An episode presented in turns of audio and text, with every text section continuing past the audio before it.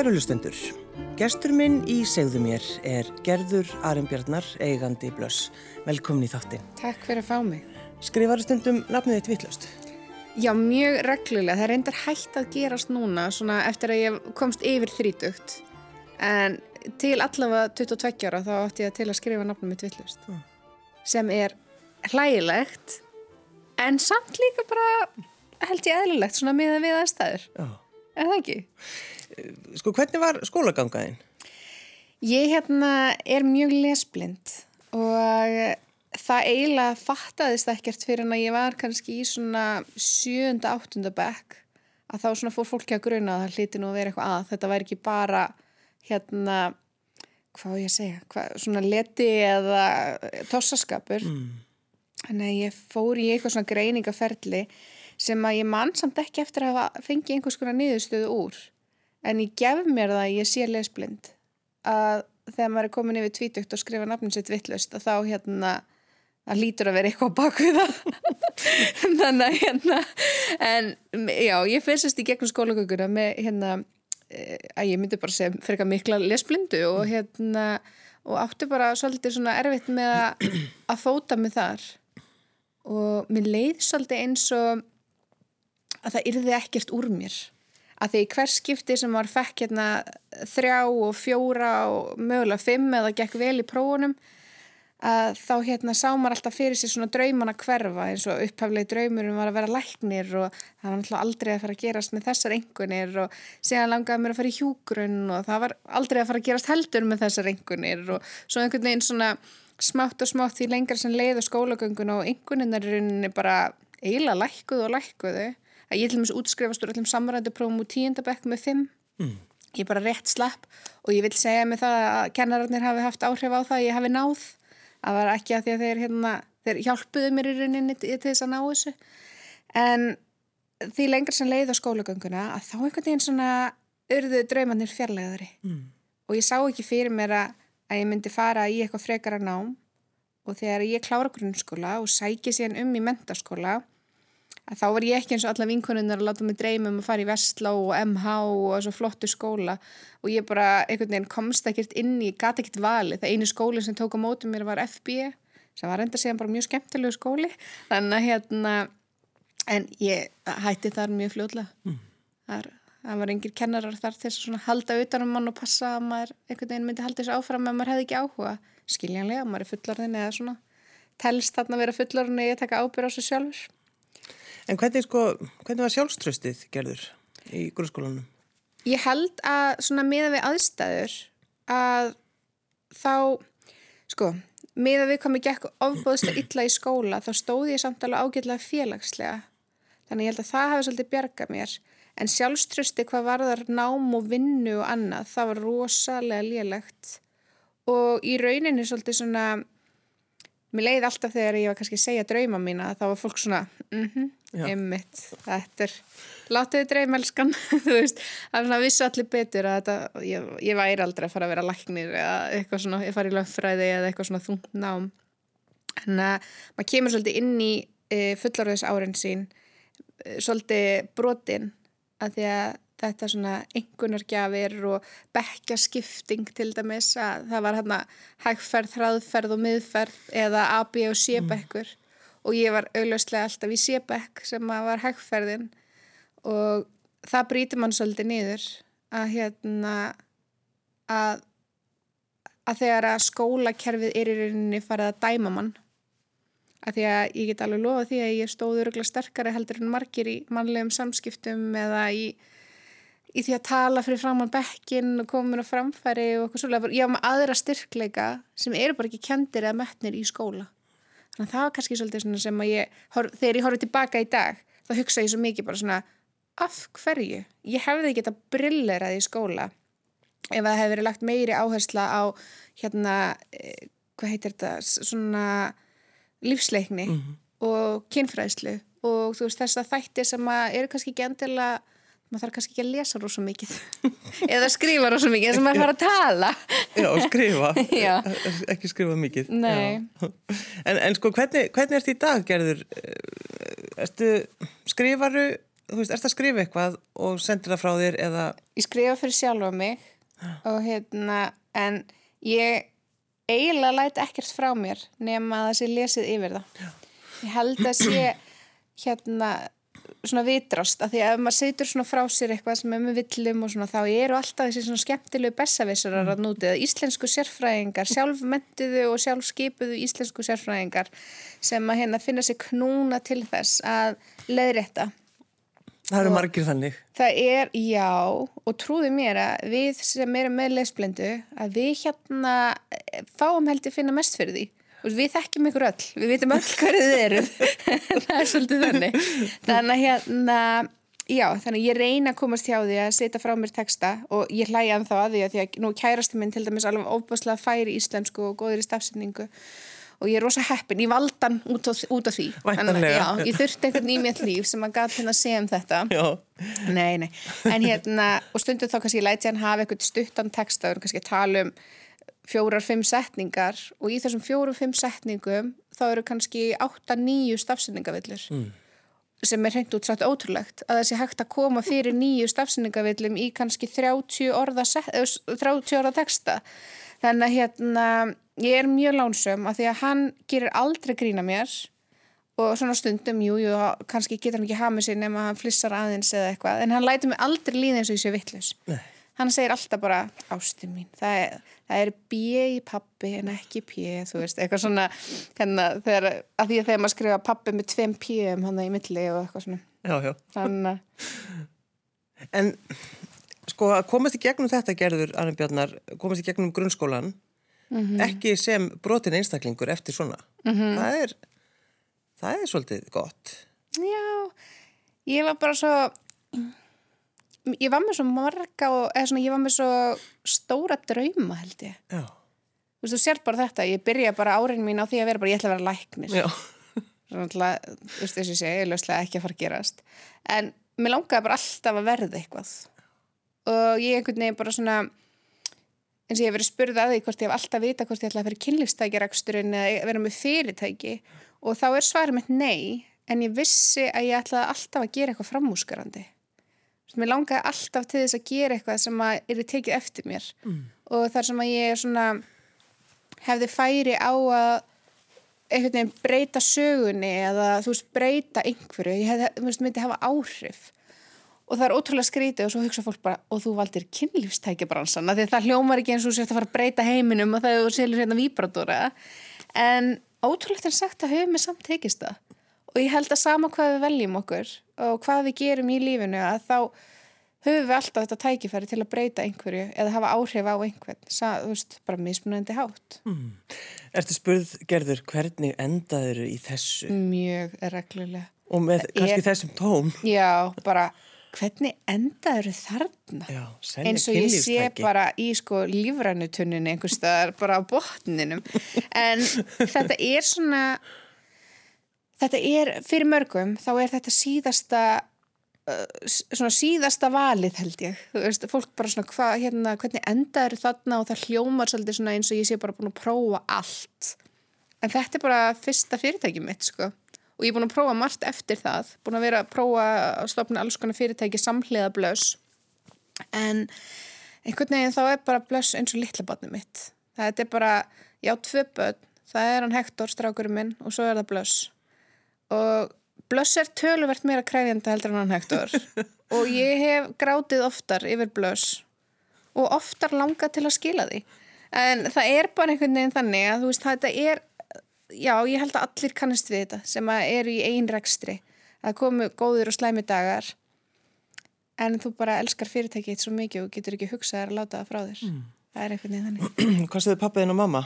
Loggan og hjúkan? Já þau voru sko ótrúlegt en satt. Þá hef ég bara, þau eru mínu svona stæðstu stunningsaðilar það var einhvern veginn bara, ég kom til pappa og mömmu og ég sagði þeim að ég var að spæði stopna fyrirtæki og, og ég man bara þetta var, það var svona einhvern veginn ég átti erfiðara með að fara að segja pappa þetta. Og ég og vinkona mín sem að stopnaði upphaflega blöss með mér undir Rakel Orradóttir, við vorum sérst tvær í upphafi. Þannig að vinkonur að prófa að stopna fyrirtæki saman 21 ás og við förum alveg svona bara á fund með pappa og ég bara hérna hæ, við erum að spáði stofna fyrirtæki. Og hann alveg, já, hvernig fyrirtæki? Svona sem dæmi, pappi minn er svona eins um, hann er svo svona skinsamur og flottur maður sko, og hann segir hérna já, hvernig fyrirtæki? Og ég segi hérna hæ þetta bara kom ekki út. Ég bara gati ekki komið þessu frá mér. Þú ætti líka að tala við löggu, sko. Já, nákvæmlega. Og líka bara svona virðilegan mann. Ég ber bara ótrúlega mikla virðingu fyrir mm. pappa mínum. Svo segir nægjál að koma þessu út um mér. Og ég segi kynlífstækja fyrirtæki. Og það já. Það er margt heimskulegar en það í lífinu. Þannig að við stundum öll kynlíf. Og þá var ég bara nei, nei, nei. Þannig að hérna þetta var eitthvað neginn svona ég fekk einhvern veginn strax í upphafi bara alveg ótrúlega mikinn stöðning frá fóröldurum mínum. Og mamma mín og pappi, þú veist, mamma mín var fyrsti viðskiptavinurinn okkar. Hún var bara, já, nú bara þú komið fyrirtæki og ég ætla bara að kaupa þetta og svona. Og þetta var allt rosa skrítið en samt svo skemmtilegt að því getur ímyndað að allt í einu er ég bara komin með eitthvað svona tilgang. Þú veist, ég bara, ok, þannig er ég bara stofnum mitt eigi fyrirtæki og ég fann svo ótrúlega mikla þörf í það að þetta myndi ganga upp þú veist ég var bara svona ok, loksins, nú er ég 21 ás þá nætti ég badd sem var tveggjara gamalt e, ég var búin að flosna upp úr námi ég var búin að missa vinnuna mína eða getið missa í rauninni bara fyrir fæðingar og lofa fer síðan ekki aftur í starfi sem ég var í og eitthvað svona og vissi bara ekkert hvað mér langaði að gera. Mm. og svo var ég alltaf bara ok, ég ætla að stofna fyrirtæki þetta er það sem ég ætla að gera. Og það greip um mig bara eitthvað svona ég verða að sanna mig. Veist, ég verða að sína fólki að ég get eitthvað. Ég má ekki bregðast sjálfur mér eða öðrum þannig að ég einhvern veginn bara fór á staði í þetta ævintýri sem er bara ennþá í gangi. Já. Uh, Fyrirtækið þitt mm -hmm. því, við getum alveg talað um peninga. Ég spurði þig hvort þú mætti tala um peninga já, innan marka, innan en marka, veist, það er alltaf læg ég myndir alltaf ofinbörgögn það eru ofinbörgögn sem segja okkur það að fyrirtækið var að velta hvað hálfum Halvu miljard? Halvu miljard, ég get ekki, ég get ekki sagt þetta eins og Nei, sem ég kunni ekki orðið þetta er svo langt frá þig Já, já, já sérst, Og það er bara tekið eftir í viðskiptaheiminum. Sem er ótrúlega gaman að spá í því að stelpann sem útskrifast múið fimm úr öllum samrættiprófum og kunni ekki skræða nafni sitt fyrir hún á 22 ára að hún sé alltaf í náðin eftirteknaverð í viðskiptaheiminum fyrir það að standa sér vel í rekstri. Og ég já, ég get bara sagt það að það er eitthvað sem að ég er held ég bara stoltust af þú veist, ég er ekki með neina viðskipt að fara í mentun, hef aldrei lært þetta. Minn skóli er bara það að vera búin að fara í gegnum þetta í tíu ár og gera öll þeim mistök sem ég gæti gert og læra af þeim. Og sem mistök hafa verið ansi dýr og ansi krefjandi og erfið en á sama tíma þá held ég að þetta hafi verið ágæti skóli og ég voru gleft að gera helling af mistökum í viðbúti lífinu sko Hvað er þetta stórt fyrirtæki í dag? Við erum, við erum svona 14 starfsmenn sem erum að vinna núna hjá fyrirtækinu. Það eru 7 starfsmenn í fullu starfi og svo erum við með sko svona verktaka, mm. þessu bókara og ölsingaskristofu og grafíska hönnuð og forritara og svo les. Þú, þú tekur til þín, fær til þín fólk til þess að Það er nöðsilegt, já. já, af því að þú, ef þú ímyndaðir fyrirtæki sem er framhúsgarandi og er að standa sér vel í rekstrinum að það þýðir það bara eitt að það er með framhúsgarandi fólki í vinnu. Mm. Þegar þú uh, ræður fólk til vinnu hjá þér, mm -hmm. gerður, þá spyrðu það alltaf? Já. Spyr, það er alltaf einspurning? Já, bara svona hvar líka þínu styrklíkar og hvert er þitt draumastarf? Já, hvert er og, þitt draumastarf? Já, það er svona hvert er þitt draumastarf að því að finnst svo mikilvægt að fólk fá að blómstra á því sviði sem að þeim svona dreymir um að vera mm. og nú erum við bara að tala um hérna svona þannig sé, ég ætla ekki að gera lítið úr fyrirtækinu en þetta er svona vestlunastarf en það fylgjaði alls konar aukaverkefni og ef ég er að ráða til minn einstakling sem hefur til dæmis ofbóðslega gaman að því að skrifa greinar eða þú veist hann er ráðin sem starfsmæður í vestluna afgreða en hans draumur er að vera bladamæður að þá grípum við þennan einstakling og könnum hvort hann eigi kannski heima í því að skrifa textalýsingar fyrir heimasíðun okkar eða bloggfæslur fyrir vef, hérna, vefsíðun okkar.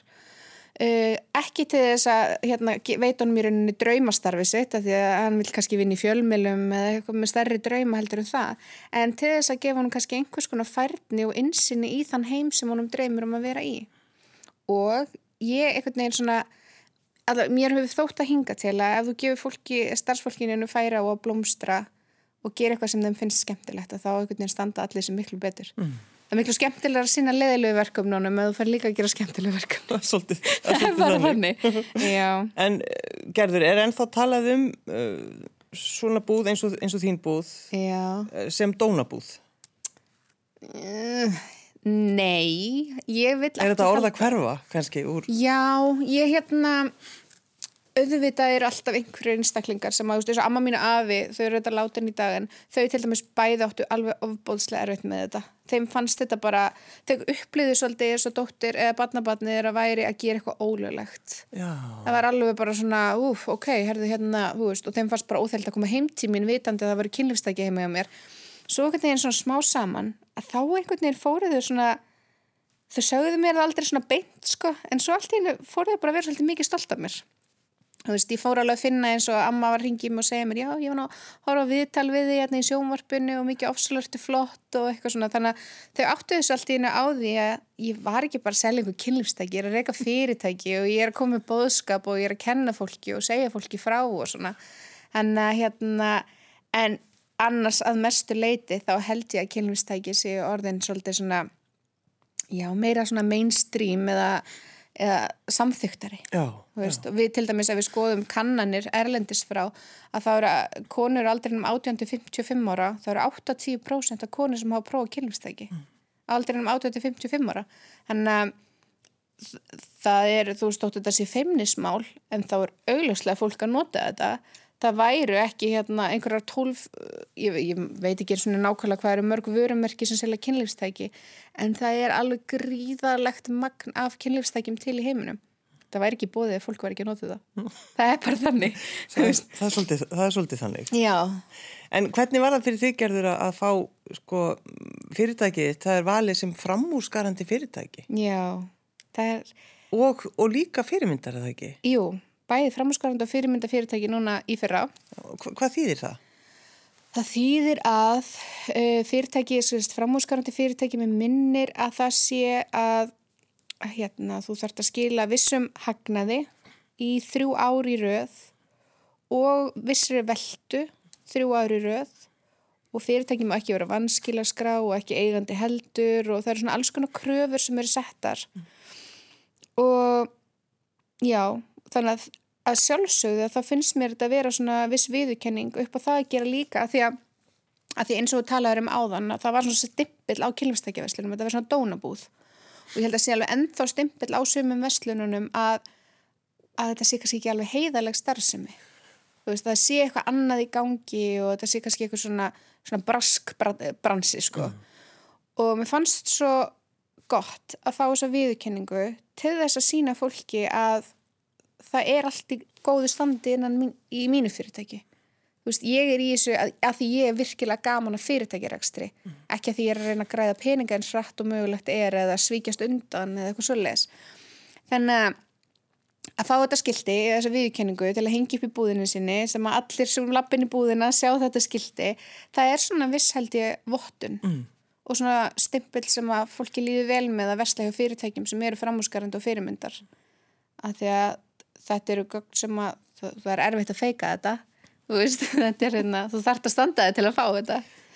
Og að auki líka, nú er ég sérst, í dag er ég 31 og ég er ein af yngstu konunum sem er framkvæmdastjóri fyrirtækis sem að þakk þessa viðkenningu í fyrra.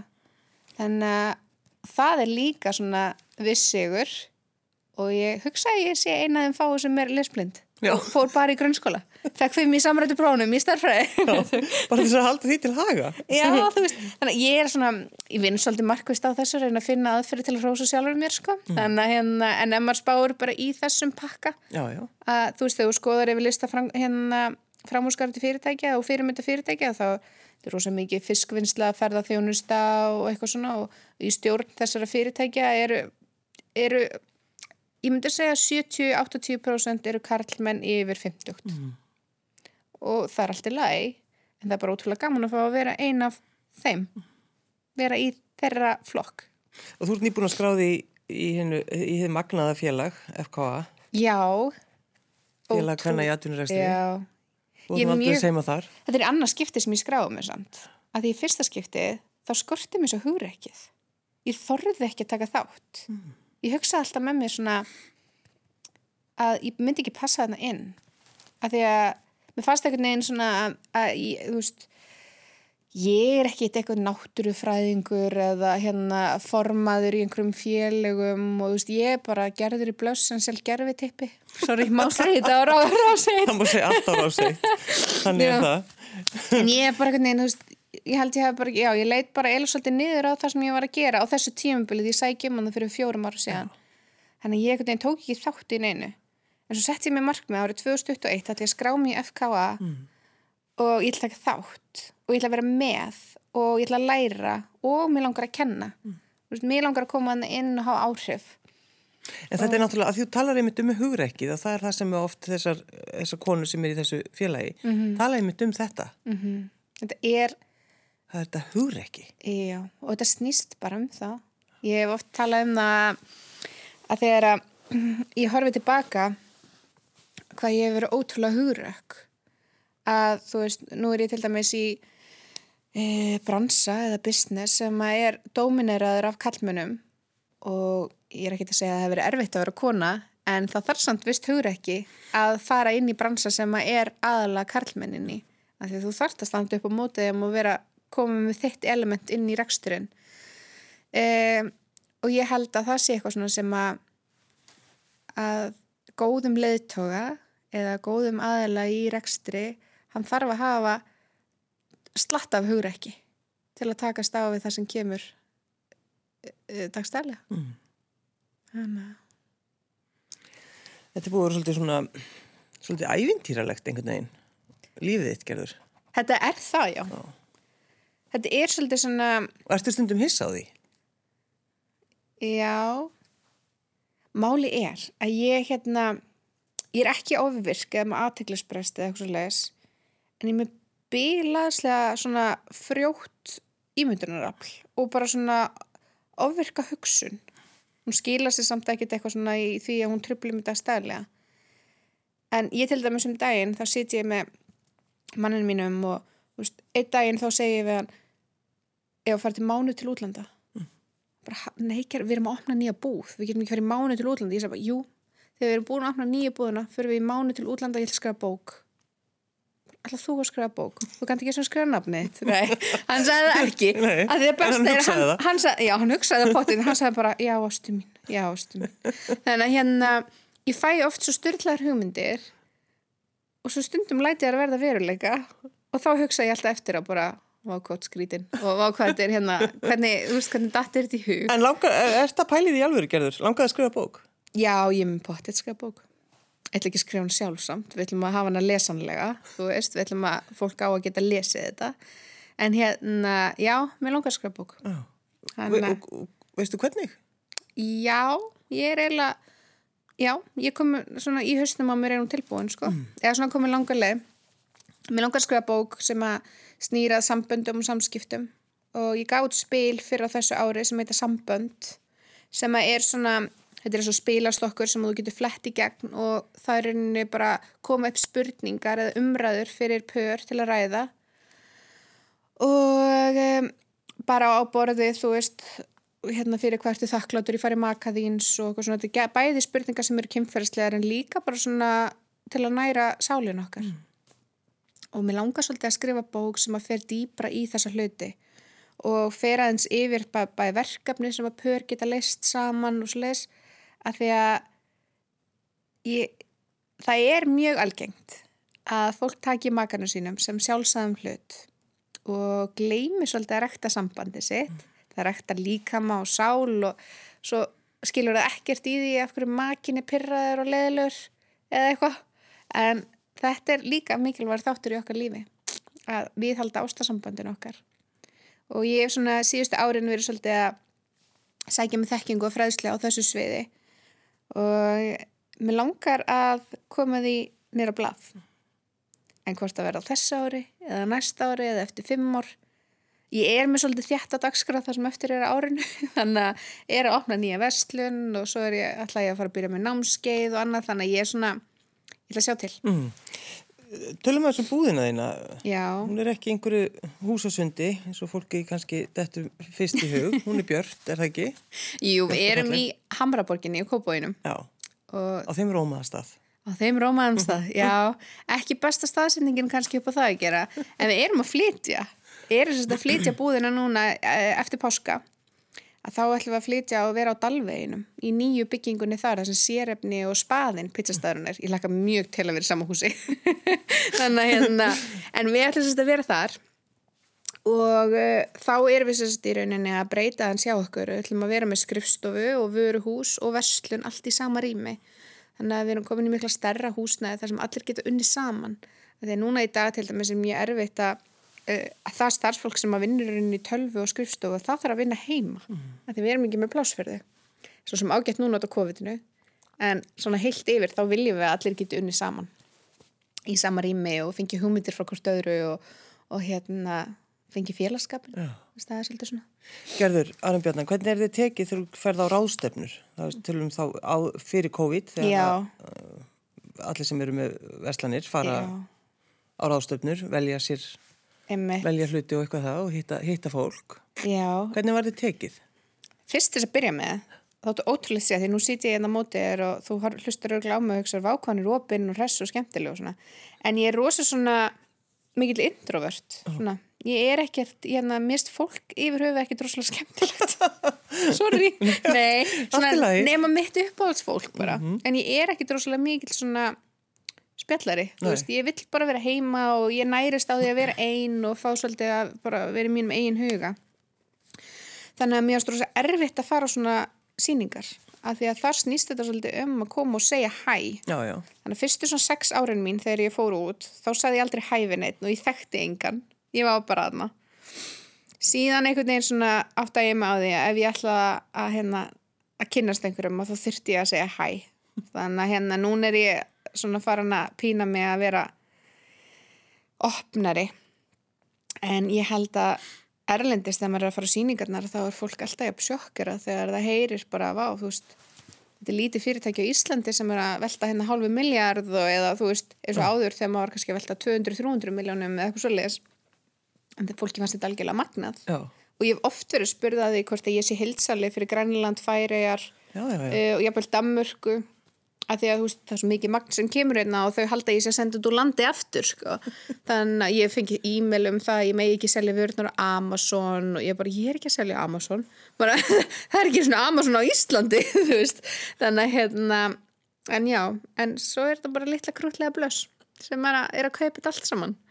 En, en svo einmitt eins og ég segi það, veist, ég er ekki drosalega mikið svona social típa en auðvitað þegar maður kynnist öllu þessu fólki að þá er þetta virkilega skemmtilegt og flestir sem eru svona sölustarfi eins og þessir aðeinar sem ég er að kynnast þau eru síðan opinn þannig að leiða maður er búin að kynnast þeim þá koma þau til manns þannig að maður er einhvern veginn svona einhvern veginn hætti, er ekki að taka boltan lengur þegar maður er búin að kynna sig Er maðurinn farin að vinna hjá þér?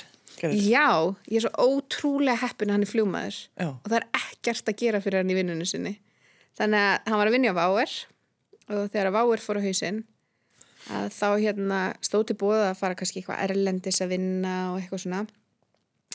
En ég var alveg, ah, nei hvað þau voru að vinna fyrir mig. Þannig að, og í dag þá líður mér einhvern veginn ekkert eins og hann sé að vinna fyrir mig. Við erum að vinna saman. Við erum bara teimi og við tökum ákvarðanir saman innum fyrirtækisins og, og þetta er eiginlega sko bara takk skúli fyrir að hafa klúra váer af því að þetta er að besta sem hefur komið fyrir blöss Já. það er eiginlega bara þannig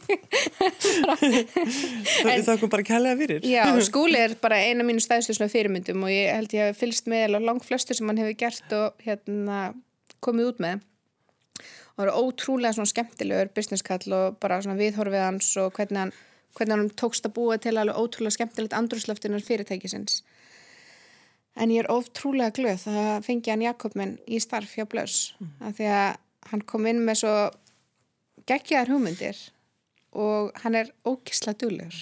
Það er eiginlega það. En er fólk núna, það er hlýtur að vera hætt, hætt að spyrja þig, þú veist, hvað ætlar að gera og hvort þú ætlar ekki að fara í nám eða... Já, Eða hvað? það er, já, ég ens algjörlega fyrstu svona 6-7 árin mín, þú veist, nú er ég búin að vera í þessi 10 ár, fyrstu svona 6-7 árin, þá var fólk alltaf að spyrja mig, ætlar ekki að menta þig? Já, ég ætla bara nei þá þarf ég að byrja því sko, næstu ég að taka grunnskóla aftur til þess að geta byrjað í mentaskóla eh, og svo var svolítið svona fyndið svo fyrst þess að byrja með þegar ég var að byrja að vinna heima og svona því að ég hætti í vinnunum minni og fyrir að vinna bara fyrir blöss þá er ég bara að vinna heima.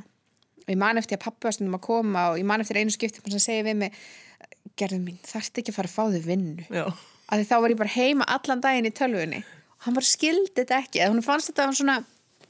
Já. að þá var ekki eða alveg viss hvort það væri eitthvað að gerast Nei, nei, sko. nei. En, uh, en í dag það, ég, nei, það myndi enginn spyrja mig hvort ég þyrfti að fá mig vinnu það er bara það er nóg að gera en og ég sé alveg til þess líka sjálf að finna mig verkefni ef það er eitthvað Já. Hvernig byrjar daginn þinn, Gerður? Ertu mætt snemma? alls ekki það er hérna, ég er ekki aðtýpa ég held ég hafi bara ekki farið út úr húsi svona snemma eins og núna bara í þrjú, fjögur ári eitthvað, ég var einmitt að hugsa ég bara hvað umferð er þetta? hvert er allir að fara? Já, ég get alveg lofað því, Gerður. Það er alveg fín umferð, sko, á mótnala. Já, þannig að ég vaknaði hlan halv átta í morgun til að vera mætt hérna rétt fyrir nýju og ég var bara, vá, ég man ekki eftir síðast ég vaknaði svona stemma að vera leinu flug eða eitthvað held ég, en ég er rosalega bjötýpa og fyrst skammaðist ég mín alltaf rosalega mikið fyrir það þetta var svona eins og merkjum leti eða eitthvað en ég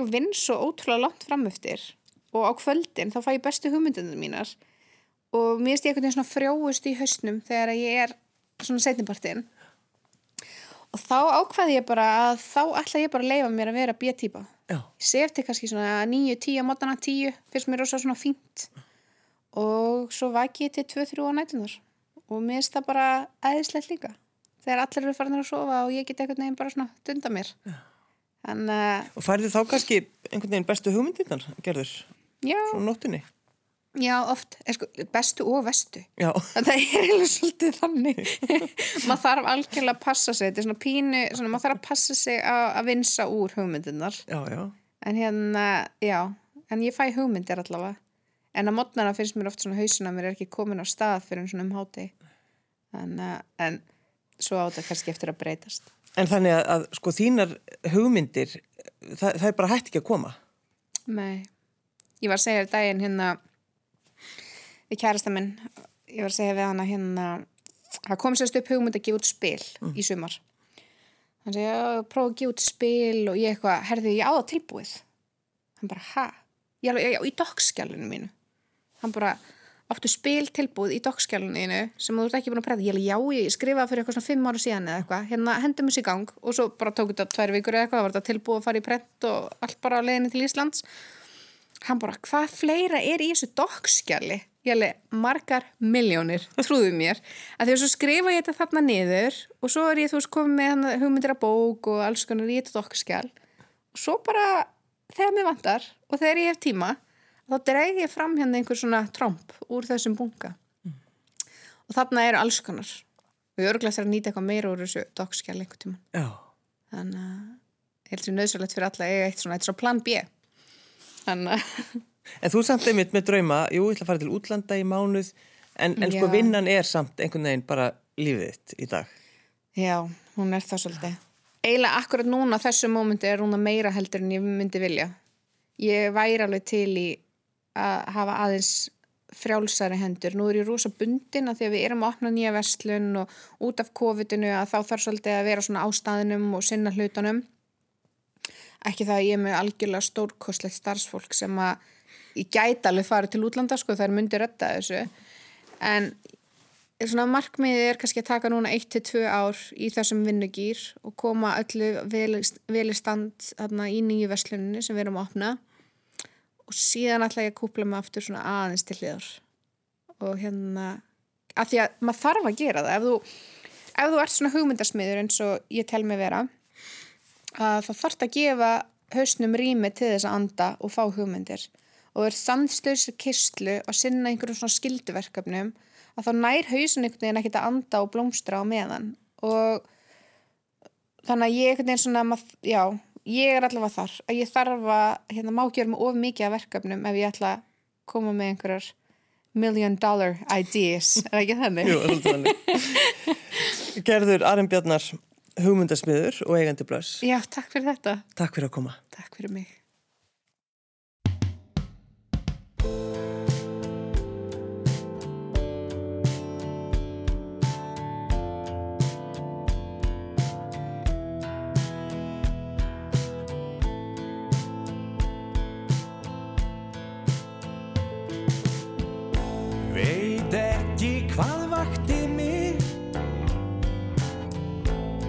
Vill liggja um stund.